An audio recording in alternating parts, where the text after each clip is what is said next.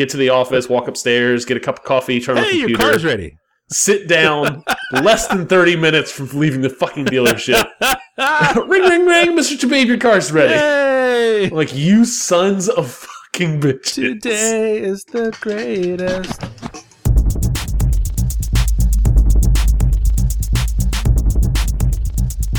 This is the Safe as Milk Podcast, where Adam and I get together twice a month to use bad words to talk about things we like. Mike, Adam. do you get a beer? I do. Would you like to hear about it? I would. I'm drinking a Nugget Nectar from our good friends at Tröegs Independent Brewing in Harrisburg, PA. Uh, this was, if not the first, certainly among the first seasonal IPAs that I was exposed to. It's a, uh, it's still a damn fine beer. Uh, they, uh, what do they say here on their website? They say it's out in January to March, but uh, you want to get it as quickly as you can.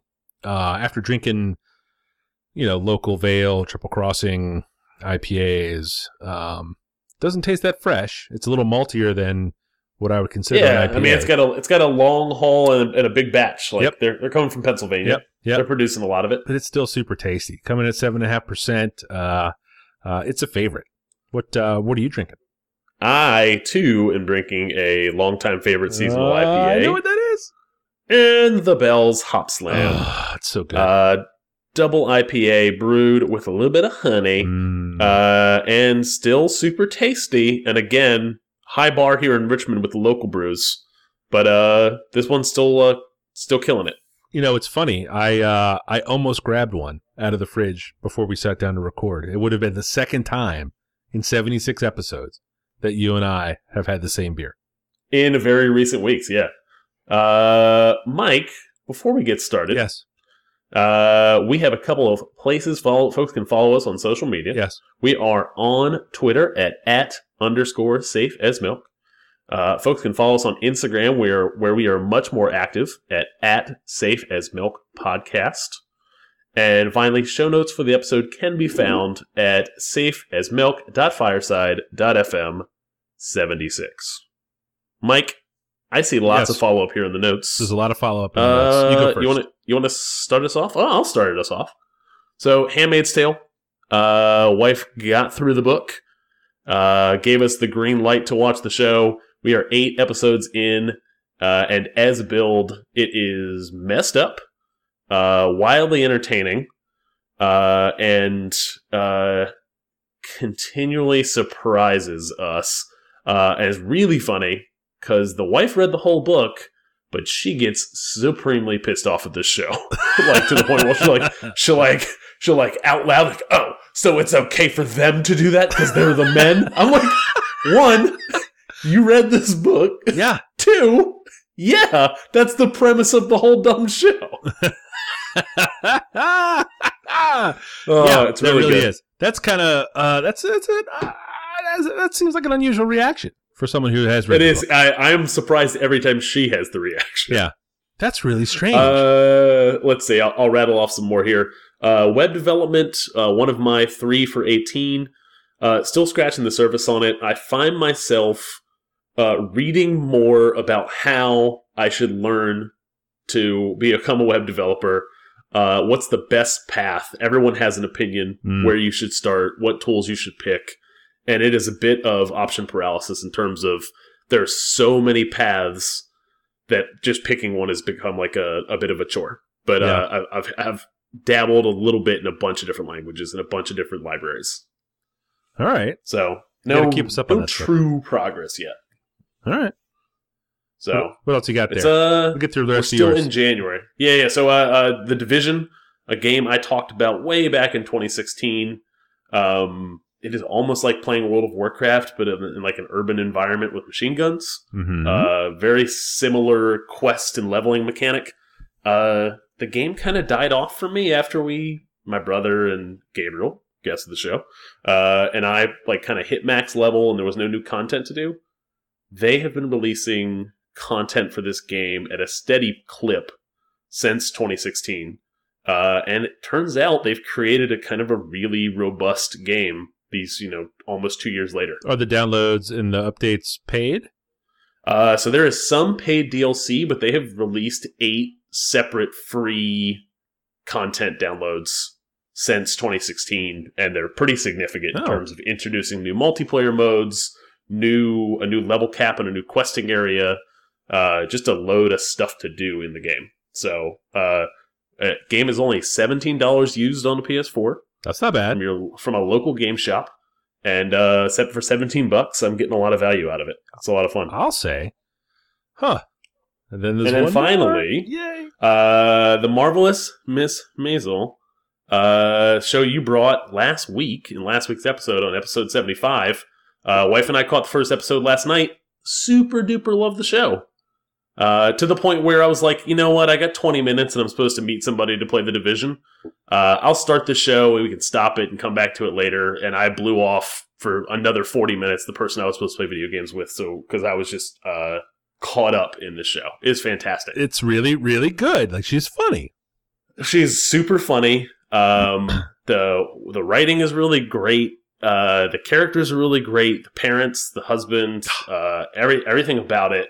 And uh, as we like to say on the show, she's uh, supremely good at her job. She is, she's really good at her job. Uh, this is really the peak of that, the the pilot. So don't Okay, don't think you're settling expect. into I you know, didn't an 80s expect. teen comedy. Okay. but, yeah. I mean, I might go back and watch episode one a couple times by myself, but I, that's, that's that'll be for nostalgia once I get a couple of episodes. Uh, uh, I'll chop through my follow up as quickly as I can. Uh, first and foremost, I am an ass. Uh, Logan Maxwell Hagege, which is how you say his name, the Western artist uh, that I talked about last time. Uh, it's it's pretty plain uh, on his website the uh, how you how you say his name, and I want to I feel like publicly I feel like I am an ass. Period. Full stop. Could be a follow up for both of us every week on this show. that's that's not unfair. just a just a single bullet point right at the top. It's unkind, but it's not unfair. uh, speaking of my three things to get done in 2018, on the Hackintosh, I took a good run at it uh, a couple of weekends ago. Ran into some stumbling blocks, which was not a surprise. It's it's pretty technical, and I'm I'm okay on that front, but I'm not great. Um, have to do a little more research before I can uh, start up again. Uh, it occurred to me that this is sort of a painting the bike shed sort of moment, so I may have to Uh, Uh, say explain what's a painting the bike shed moment. it's the uh it's not really procrastination. It's more like letting minutia get in the way of uh real progress on things you want to get done. Like it's uh i should start riding a bike and if i'm going to have a bike i got to play have a place to put it so i should build a bike shed. Now what color will i paint that bike shed? And then you don't start until you decide what color the bike shed's going to be. It's, I uh, gotcha. Yeah Oh, I know all about this. Yes. yeah. So uh, I may I may shift this as a priority for 2018 to get to some of the things. Here I thought the Switch would be the thing, It's, and it's too too soon to shift. and we're, we're only a month in. We're only So we're we're still in January. There's Still plenty of time to knock out this Hackintosh in. thing. exactly. Uh, Breakaway is a podcast that we have talked about on the show a couple of times. It uh, is deep dives on NBA related subjects. Uh, that podcast is back. It's a great profile of Damian Lillard this week, the uh, Portland Trailblazers point guard. Uh, have you did you have you listened to it yet? I have listened to it. I think the episode is called Command and essentially talks about the leadership that uh, Damian Lillard has kind of on his team and kind of his philosophy that he he leads with. And it is a fascinating kind of look inside of him as a basketball player and as a person. It's just really good. It's just really good. Uh, speaking of basketball, I got that Shea Serrano basketball book that you had talked about. I think before Christmas, maybe or earlier last year, whenever that I think thing came out. sometime uh, I think it was in late summer, early fall. Yes, because uh, I am I am I think two chapters away from finishing it. I've been picking it up and putting it down all all fall and winter. yes. Um, not a fan. Not Really? Yeah. Uh, run into one or two chapters maybe that sort of work for me. Uh, the I mean, he's very upfront about it. He's like, this is not just basketball, basketball, basketball. This is like bar talk kind of stuff, like impossible Yeah. scenarios and weird things, and uh, too far out for me. Not for me. And I Uh, hate. Mike. Mike, I have a, the I have a bit of a confession. I have a bit of a confession. well, Uh, I had a lot of energy around this book up until about halfway. Yeah. and then the whole premise of this the bar the bar talk style questions of like you know impossible scenarios that we're going to debate or answer questions about just kind of wearing a little thin for me. I did. Yeah. My number one this week. Yes. My, ugh, that's a good burp. Uh, my number one this week is a television show. It is an Amazon exclusive called Patriot. Have you ever heard of this show? I had heard of this show just word of mouth, Really? but I had no clue what it was. I had heard it mentioned maybe by someone at work, and not until you posted it here did I go kind of go digging around to see what it was. And it is Interesting. based on the name. Yep. wildly different than what I expected. Yes. Let's see. Uh, Amazon is funny with their shows, right? Like they generate a ton of pilots and they seed them out to people that are that volunteer basically uh, to watch them and solicit feedback. I've caught a couple of those. You know that Jean Claude Van Damme show that's on now that they have. Yeah. I actually watched the first three episodes of that six months ago. As just a hey, what'd you think of this? What did you Yeah. like? What didn't you like? Kind of thing. Uh, focus group, right? What did you What did you have to say? Uh, it was funny, Very briefly. but not something that I would watch. Okay. Um, I, I mean, I love Bloodsport, obviously, um, as an American. Yeah. but Yep. uh, uh, not something. Uh, my my nostalgia for Jean Claude Van Damme is not enough to sustain a new series. My my nostalgia for Jean Claude Van Damme is tamped down by his weird creepiness around women. Yeah, yeah, yeah. But that might just be. Have you seen Have you seen that video of him being drunk at like the MTV Beach House thing and like grinding real hard on downtown Julie Brown? Yeah, I think you mean living the dream. okay, sure. Uh, so, I think it was unwanted grinding, Mike. Is my oh, point. unwelcome grinding has no place in any beach house. No, it does no not. matter the network. no. Uh so this is so the first episode, the pilot premiered on in November of 2015.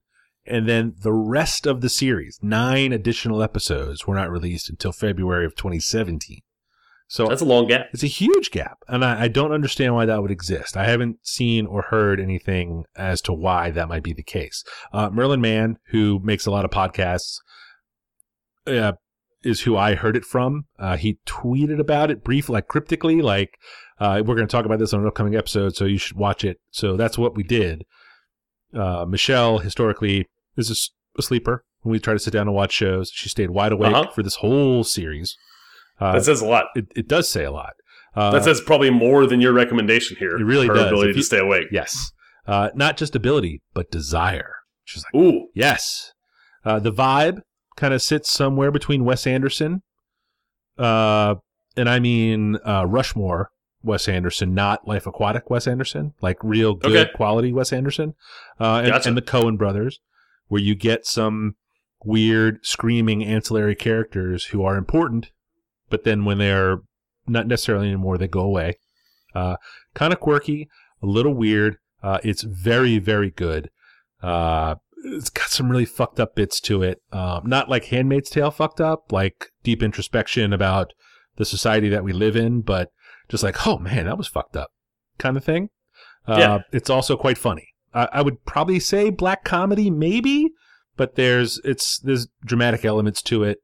Um, it's it's really just about a sad spy who happens to moonlight as a folk singer who occasionally gets in trouble because his folk songs are a little too literal. Uh, it, re- interesting premise. it it rewards a close watch. There's a lot of callbacks to earlier episodes, tons of uh, I'm sure Easter eggs in the mix. Uh, a second time through, it, apparently it just it just keeps rewarding you for watching it. Um, uh, Locke from Lost, remember Lost? It was a yeah, of fairly course. popular Yep. television show. Um, who, the actor whose name I just refuse to fucking remember. God damn it. Uh, um, and yeah, I don't even. Uh, Red from that '70s show is Yep. also in it, and uh, uh, they're all they're all just so good. Michael Dorman is the protagonist, and he's just he's just so good. Uh, uh, I, I want to give it like highest possible recommendations. This was a, a completely out of nowhere hit for us here at the house, and it has been kind of just stuck in my brain uh, in the week or two since we finished watching it. How many how many episodes are we talking? There are 10. Okay. And they're about an hour. All right, that's not hard to that's not hard to tackle. You can do it. I believe in you. Yeah, I mean, I got to do Handmaid's. I got to finish Handmaid's Tale and uh, uh, Marvelous. Yes. Yes, which So- are both actually excellent, but this is on par with those. It Nice, it just looks so good. Like it's just Yeah, it's really well done. Patriot. very cool. Not The Patriot. That's the Mel Gibson Revolutionary War movie. This is just Patriot. My number one this week uh, is related to a topic I brought previously. Uh, it is Pandemic Legacy. Uh, Pandemic Legacy uh, is made by, or Pandemic, the base game, is made by the same designer who built Forbidden Island or created Forbidden Island. And I notice here that I have not included his name, but I recall very vividly that I could not pronounce it previously. So I don't know. Google it. Just save yourself the Uh, trouble, yeah. Yep, I'm not gonna. Uh, I, I will not embarrass myself twice. Oh, I'll embarrass not this- myself. Let not, me see if I can Not find it. in this scenario, at least. Rob Daviau? Uh, um, so, Pandemic is a game, a cooperative game where essentially you are playing against the board game. You are a scientist and military specialist and medics trying to save the world from four viruses that are trying to spread across the board. Uh, the game plays differently every time because you play against a kind of a random deck. Uh, and then once you kind of understand the core rules after a single playthrough, it's a 20, 30 minute game uh, you you got it for life. Like it's it's pretty much locked in. It's a game we've owned as a base game for uh, years. It's a game we introduced our oldest to, um, so he knows how to play. At the beach, we started playing a bunch with him this year. Um, kind of been a family favorite for a while. Uh, Pandemic Legacy is uh, a uh, uh, legacy games are games that you know but have that introduce kind of an arc or introduce essentially a game that evolves over time. So I think one of the first ones that came out was Risk Legacy. So you know Risk, yes. right? Okay, so Risk, uh, I would argue, boring game. Not a huge fan of Risk. Uh, Risk Legacy, essentially every time you play it with hopefully the same kind of core group, uh, essentially you're ripping up cards, you're putting stickers on the board. Things are changing over time. You are making decisions and impacting uh, the games that we played in the future. Rules will change. Uh, you're opening up secret compartments. Uh, Pandemic Legacy does the same thing. Um, as in the game, uh, when a virus outbreaks or spreads in a city, normally it just means that you're one step closer to losing the game. In Pandemic Legacy, when a virus outbreaks, you put a sticker on that city and it increases the panic level in that city. And as you play over time, it becomes a factor in terms of if you have a city that is at a high panic level and one that's at a lower one, you might make a different decision in a future game. Um, you can also choose to kind of add benefits for future games to yourself. Uh, it's really interesting because it kind of adds a narrative arc, uh, almost like an emergent video game kind of thing, like with Skyrim, where Skyrim just kind of had a bunch of interesting systems and they would create essentially stories on their own. Um, like you would go and have lunch with a friend and say, you know, I was fighting a dragon and all of a sudden uh, a giant showed up. And these two systems collided, and all of a sudden, there's just an interesting thing that probably no one had planned for from a designer perspective. And that's uh, the systems there in that example are the giant and the dragon. Uh, correct. Uh, like the the idea that those two things would essentially no one wrote code in that case of those two things. Like, and then the player shows up here and stands on spot A, and a dragon swoops in from spot B. He gets straight gang banged. Yeah, and I a giant, a giant, and a giant comes in from X, and then they see this kind of thing that someone hand coded. What they did was essentially they created all of these separate systems, and they essentially like layered systems of rules and mechanics and all this stuff, and then essentially just let the world run. And that's uh, that's kind of what Pandemic Legacy does. It says here's the core rules, and depending on what happens in every game, all of these kind of different rules and systems and locations and the decisions you make will impact the ongoing state of this game. Um, Huh. There is a whole, there are dossiers of uh, new cards and new rules and little black boxes that are all packaged up, and then you'll be prompted to, uh, when these two things uh, are true, open this box, and there's new game pieces and there's new systems that get, get introduced. It's it's all kind of really interesting, and you you log every time you play uh, this game. Do you have Uh, to buy it all at once? Yeah, It's so like it's one a big season. box. So it is a season. Season one came out in 2015. It essentially covers an arc of a year. Um, you can play it as a base game as many times as you want, but as soon as you start up the legacy side of things, you kind of are locked in for up to 24 playthroughs. Um, so what we've decided to do this year is that we're going to play we're going to play the months alongside them. So we played two games in January. Uh, we're getting ready to start up, figure out when we're going to play our first February game soon. Um, and essentially, you're it's you're this same team of scientists, and you play the same character every game, and your character can die. Um, uh, you play this every month. You're essentially the virus is getting worse. You're making progress. It's making progress, or the virus is. They'll mutate and form new rules around themselves. Um, and it's it's actually really interesting. It's a board game that kind of has spoilers. Like if if you, for say, wanted to pick up this game eh, this summer, I would not talk to you about what was going on in our game because it would kind of potentially mess up what you don't know about that's coming up for you. Huh. That makes sense. Uh, they came out with season two uh, last year. Uh, reviews are kind of still out on it.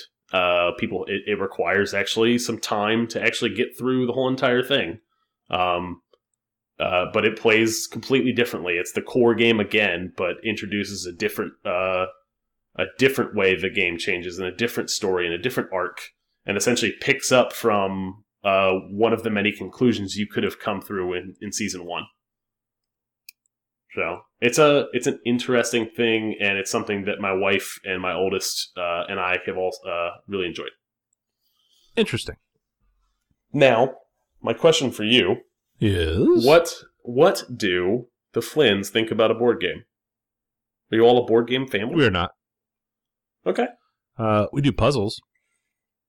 I like a puzzle. Yeah, we'll uh, we'll put a puzzle together, but historically, kind of just time out on board games. Uh, we had uh, Michelle and I will play them, but the kids don't seem to have the knack or the attention span. Like they'll sit down and do it, but we don't make time. Like we have Killer Bunnies and a couple of expansions, and those can be fun. Like party games like that. That's that's a good time. We've had fun like with grown-ups with that stuff, but uh uh no, generally speaking no. Not a board not a board game family. Gotcha. My number 2 is a I guess really mostly an online retailer. Uh, the Best Made company is a little shop in New York City. Uh, bestmadeco.com is their website. Really, they um, just one of these sort of lifestyle retailers, maybe. Uh, Lifestyle br- brand, whatever you want to call it. Yeah, it's like kind of a brand, but they sell branded merchandise. Like they sell stuff that's not. Uh, they sell best made branded and best made in collaboration with stuff. Um, but basically, they're about camping and and being outside and. Uh, are they though? Uh, yeah, they sell lots of outerwear. They sell those axes, which are ripe So for killing. so I want you to describe this thing, and then I have questions. Okay. Oh, Good. Uh, Tell me more. Tell me more. So the uh, it is a really nice looking website. I enjoy it aesthetically. Uh, the, the aspirational sort of outdoor camping hobbyist um, really is something that I would like to be, but would never in a million years really be. And I think that they sell cool stuff. So, uh, my so what I'm looking at here on this site, and I've been to this site, and I've been to a few other sites that actually have this same kind of motif. Really well designed website, Hmm. and then like almost like a like build masturbatory like uh products towards a towards like a hobby, like a who who is a real who is a real camper who's going to spend fifty-eight dollars on a uh, first aid kit. That's right. Not It one a- of them. a- it's the a best. branded. It is a branded first aid kit. yeah. It looks like their brand. It looks really sharp looking. It's made in the USA. Big white letters. Fifty-eight dollars for this little metal Yeah. tin. Yeah. looks like a lunchbox. Yes. Yes. it's garbage. yes. Well, it's not garbage. I mean, I'm sure it's got stuff in it. Oh, I'm, I'm sure sure. it's like a- I I'm sure it's like a it's, functioning It's over. It first aid kit. overpriced. Like I don't know what does this person exist? Does the person that spends sixty eight dollars on a a manual uh uh compass, uh, and and a fifty eight dollar first aid kit? Do they actually go camping? I don't know. Like who is this? Like It's a good. It's, a, it's a very good question. beyond J Crew motherfucker who's going to spend all this money on this stuff and actually go camping. Right. Like the the pictures of the models who are camping look like they're on a set. Yes. And I know it's not on a set. I know they're paying some ungodly expensive photographer Oh, to send them out in the woods for to go out week? to the woods with these models to take pictures of these people like pretend chopping up lumber with really expensive artisanal axes. Yes. Yes. Okay. Exactly. Now, all that said, all that shade, all that shit I just threw at this site, all this stuff looks really cool. It's totally cool. I mean, it's not.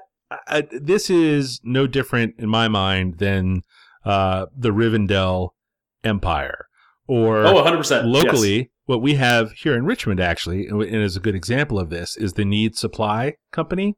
Are you familiar Yep. with?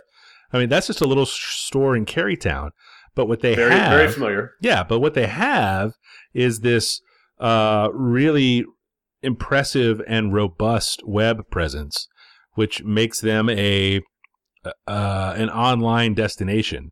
Uh, I was up in New York a couple weeks ago and made time to go down to the best made company storefront. It's you know it's in Manhattan. And it was really, really fun. I had a really good time. Uh, I I'm, I get their paper catalog in the mail, it's it's on heavy stock and the photos are all real great and it's uh kind of J. Peterman a little bit. Do you remember was that a do you get that?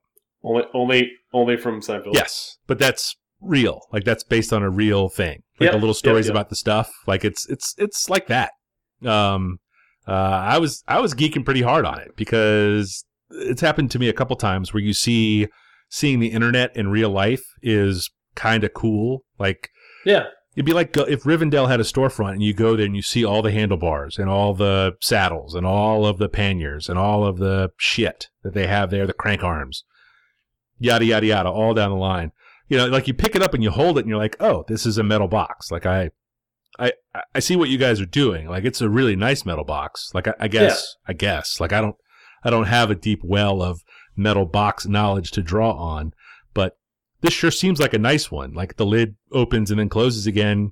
The little latch seems to fit most of the time. Like respect. Um, the sweaters and things. It's like okay, like I yeah, I get it. Like I'm sure it's a I'm sure it's worth four hundred dollars. I'm sure the wool is very nice and it's a very cozy sweater. But then you pick it up and you're like, shit, this is like this this is a sweater that would last for 30 40 years like this you, you would own this really just forever um, um, super into the aesthetic. I like the stuff. You know, I'm super Yeah. into it. Uh, so, big important question. mm, What'd you buy? shit, dog. You know, I bought a metal box. Come on. I bought the little metal box. Bought a couple little patches. Uh, I bought a little enameled sign. Uh, I did not buy the enameled coffee mugs because uh, I prefer like a ceramic mug. I don't want to burn my hands. I just, I just, I just looked at a thirty-eight dollar enamel plate. oh, they had them though, and it's like, ah, shit, look at that. Hey, that's pretty cool. Like, like I get it now. Like I've seen them online for years. I'm just like, I Yeah, wonder what that's really like. Like, is that like it's it's probably too expensive, but hmm, is it okay? I mean, you can find where you know you can you can use the internet and find where they source the uh $118 chambray pullover shirt you know and get it for probably 75 or bucks you know like it's a it's a really well made cotton shirt. Okay. You know, like you can find denim work shirts that don't cost $150. You can find it for 80 bucks, but I'm not I'm not digging through supplier websites and stuff. Uh, you know, and I'm also not Uh, paying I'm not. 150 I'm not, for a denim I'm not shirt. spending in that bracket in the first You know, place. yeah, like I'm, this is not something I'm shopping Yeah. for, but Yeah. you know, it's just it's just kind of cool to see it. You know, Yeah, but I get it. it was it was fun to go. I I, I like their stuff. I, I dig their aesthetic. My number two this week is a website called Trello. Uh, it is a essentially a to do list or a way to manage your to do list. Uh, I have traditionally been a whiteboard list maker uh, at work for my work to do list. I don't keep a personal to do list. I probably should.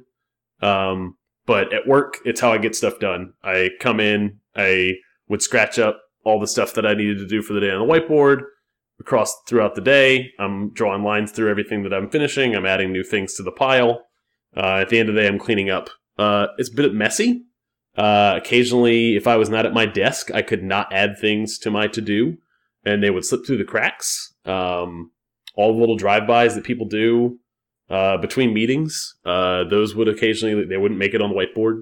Um, it mostly worked, but about three months ago, I decided to use Trello, this uh, cloud-based website.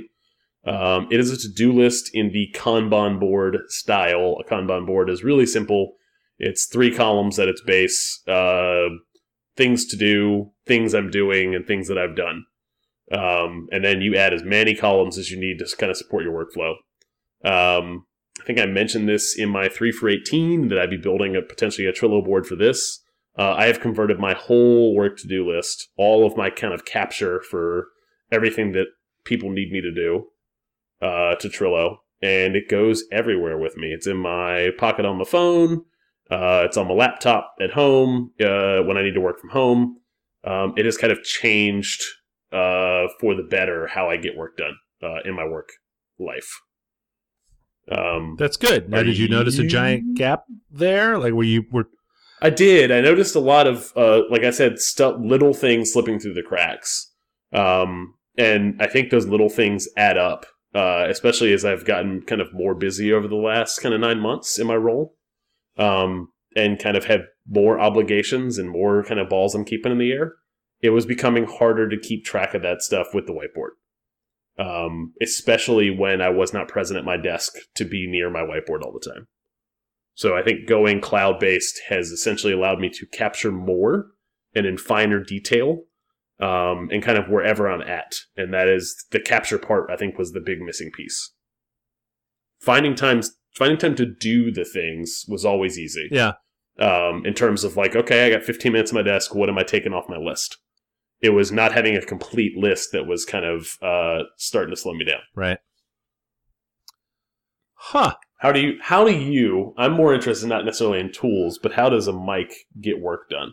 Oh man, I've been dodging work for so many years. It's a I'm a fucking ballerina. Are you kidding me? Uh, the trick was to be super productive uh, between the ages of 23 and 28. Four. Oh, sorry. And the hardy har, the hardy fucking har.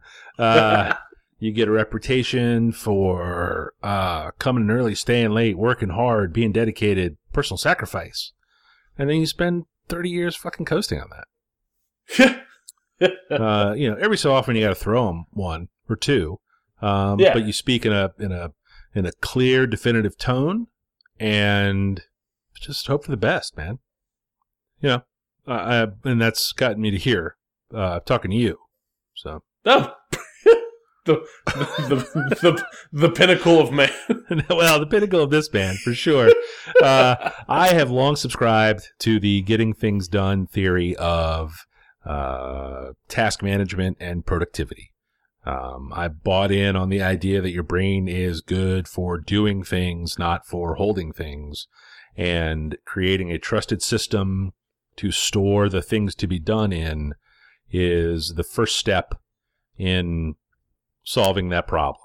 So, uh, used a number of tools over the years to hold my things to do, but I don't try to keep. I mean, Trello is a is a good example. Your whiteboard, there are a million tools, uh, applications, and suites that you can use to. I was a I was a notebook man for a long time. Just had a notebook to do stuff. Uh, if you can imagine, I come from a time where I had a blotter on my desk, which was a a, a calendar roughly two thirds of the the size of two thirds of the surface of my desk. This is a just a when the computer was a thing that had very few Yep. tasks available to it.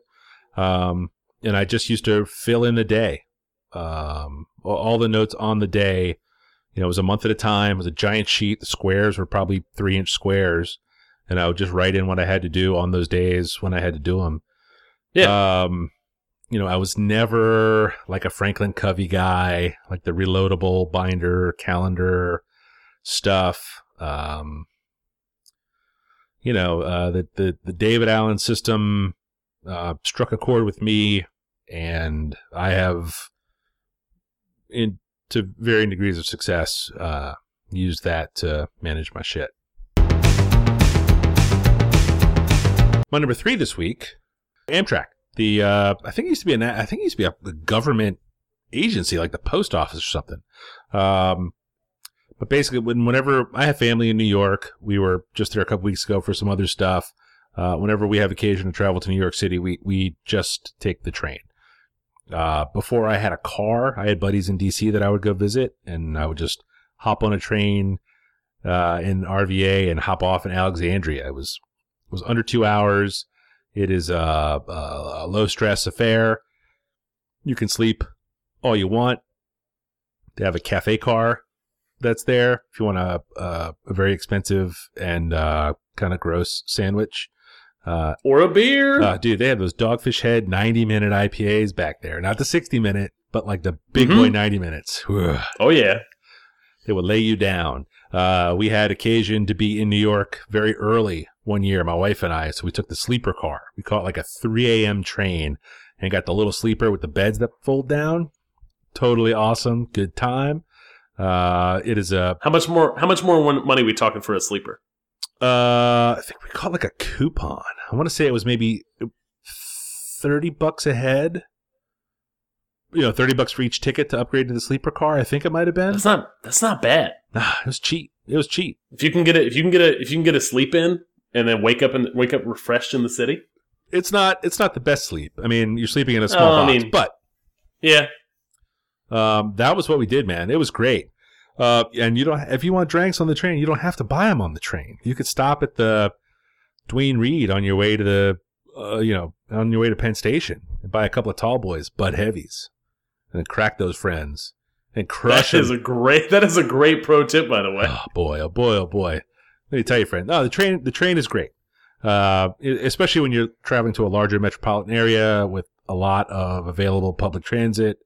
Um, it is a great way to go. Uh, you don't have to wear and tear on your vehicle and the stress. It's just, it's just driving driving to the north on the east coast is a, is a huge pain in the ass. It is a giant pain in the Um, ass. it's difficult to travel from Richmond west. I have found because the train, the trains that we get here in Richmond, uh, that you can get east, you can get down to like Norfolk, uh, but if you want to go to Chicago, you got to kind of go up through D.C. and then out in like a weird Pennsylvania, Ohio kind of spur. It's it's Yeah. hard. Like you can't go to Nashville from Richmond. You got to kind of go Yep. ass around your elbow to get there. Um, Thankfully, Nashville's not a terrible drive. it's not terrible. It's a it's a it's a full day though. Oof. Oh, it's a ten hour. Yeah. yeah, yeah. Uh, but I, I can't speak more highly of it.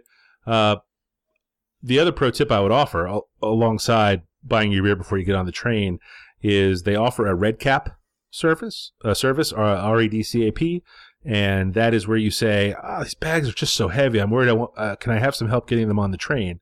And what they'll do, generally speaking, and especially if you're coming out of Penn Station, is uh, take you down to the train before they just open the gate and let everyone down there. And there's a man who'll put your bag on a cart and wheel it all the way down, put it in the overhead bin, show you to your seat, and you sit there for 10 minutes, and then everybody else gets on the train. It's totally the best. Ooh. it's borderline first like class. that. Yeah. Yeah. Now it's totally great. Highly recommended if, you, if you've never done it and you're heading to New York or, or points north, uh, Baltimore, Philly, um, geez, what, what's, what's, what's north We've done. We've done. We've done DC a lot, Mm-hmm. and we've done uh, Boston once. Oh, nice. Yeah, although now the the incredibly cheap flights to Boston from Richmond almost make it a non a non factor. Yes, they do. They do. But boy, they're going to take those away any second. The, the flights in and out of Richmond are a hassle. My number three for the week is uh, a new pen that I've been using to draw and ink with. Uh, it is the I'm gonna butcher a lot of this name. Yeah, but you got to do it. Uh, Kuretake felt tip Japanese feud brush pen number fifty five. now, why do you say it will- feud when it should, it's probably Fude? If you're going to say Kuretake, it's got to Oh, be your- Fude, your, right? Your your food Your day. Fude. A Um, little consistency, man. consistency. Come on. in any case, I am bad at pronouncing things, but I am good and consistent about putting things in the show notes. Uh, this this will be in the show notes. It will be on the Instagram. Uh, I unfortunately I do not know where this pen came from. I do a lot of note taking on my Instagram feed. Uh, my Instagram feed is full of artists that I like and follow. Occasionally, they will comment about what tools they use pencils, pens, erasers, etc. Um, and I will uh, snap a picture, uh, I'll screenshot it with my with my phone, and kind of put it in a list of, of uh, to to eventually get onto an Amazon list. Uh, I was fortunate enough to have my sister in law get me in the Secret Santa this year, Megan Tabib, who will be a guest of the show shortly. Um, and she gave me two of these pens and one other uh, Japanese brush pen that I had put on my list a long time ago. And I am a big fan of these guys. Uh, primarily because they are kind of the firmest brush pen I have found so far. Um, in terms of uh, when you push down on a brush pen, you want it to you want the line weight to go wider. When you let up, you want it to go um, kind of a thinner line. And I have been incredibly bad about using more traditional brush pens or the brush pens I had seen recommended previously, where I just make a mess when I'm using that stuff. It's hard. Uh, it is hard, and it takes a lot of practice, and there's a lot of technique to kind of applying that pressure, uh, lifting and raising the pen as you're as you're drawing a line. Um, this one is a little more forgiving, uh, and I would just love a whole set of these guys. Um, I want to actually go and see if I can find uh, some different sizes to kind of add to my collection. I love art supplies. I do. Oh, I I know you do. When I God put this on here, I was like, Mike loves a pen. I know. He'll he'll be he'll be a plus number one. Okay with this. Mike's going to say, I have two of those. They are dope. I don't know how to Do you draw. have two of these? No, I don't. Oh, they're really cool. They're really long, uh, and they have two. They have two uh, a thicker end and a thinner uh, the the brush pen tip, and like this other kind of like fill tip. Um, and they're uh, really cool looking. They're a burgundy color pen with uh, Japanese text and script and characters all over it. I know. I looked them up. I know. They're really cool. I know. They're super worth it, and they're not that expensive. Ugh. God, You don't need more pens. I don't need more pens. But if you wanted to spend nine dollars and get two of these pens on Amazon, I would recommend. it. Very good. Uh, Adam, I think that brings us to the end of our illustrious show. It does. Uh, Mike, where can folks find you on the internet? I internet? am F A L F A. That's uh, Falfa. I'm on the dot com, the tweets, and uh, the uh, and a freak in the bed. Graham. Where are you? Uh, I am Rec36 on Twitter, and I am 180 Lunches on Instagram, where I draw four days a week. Boom, da boom, ba boom, ba doo ba boom, ba doo ba.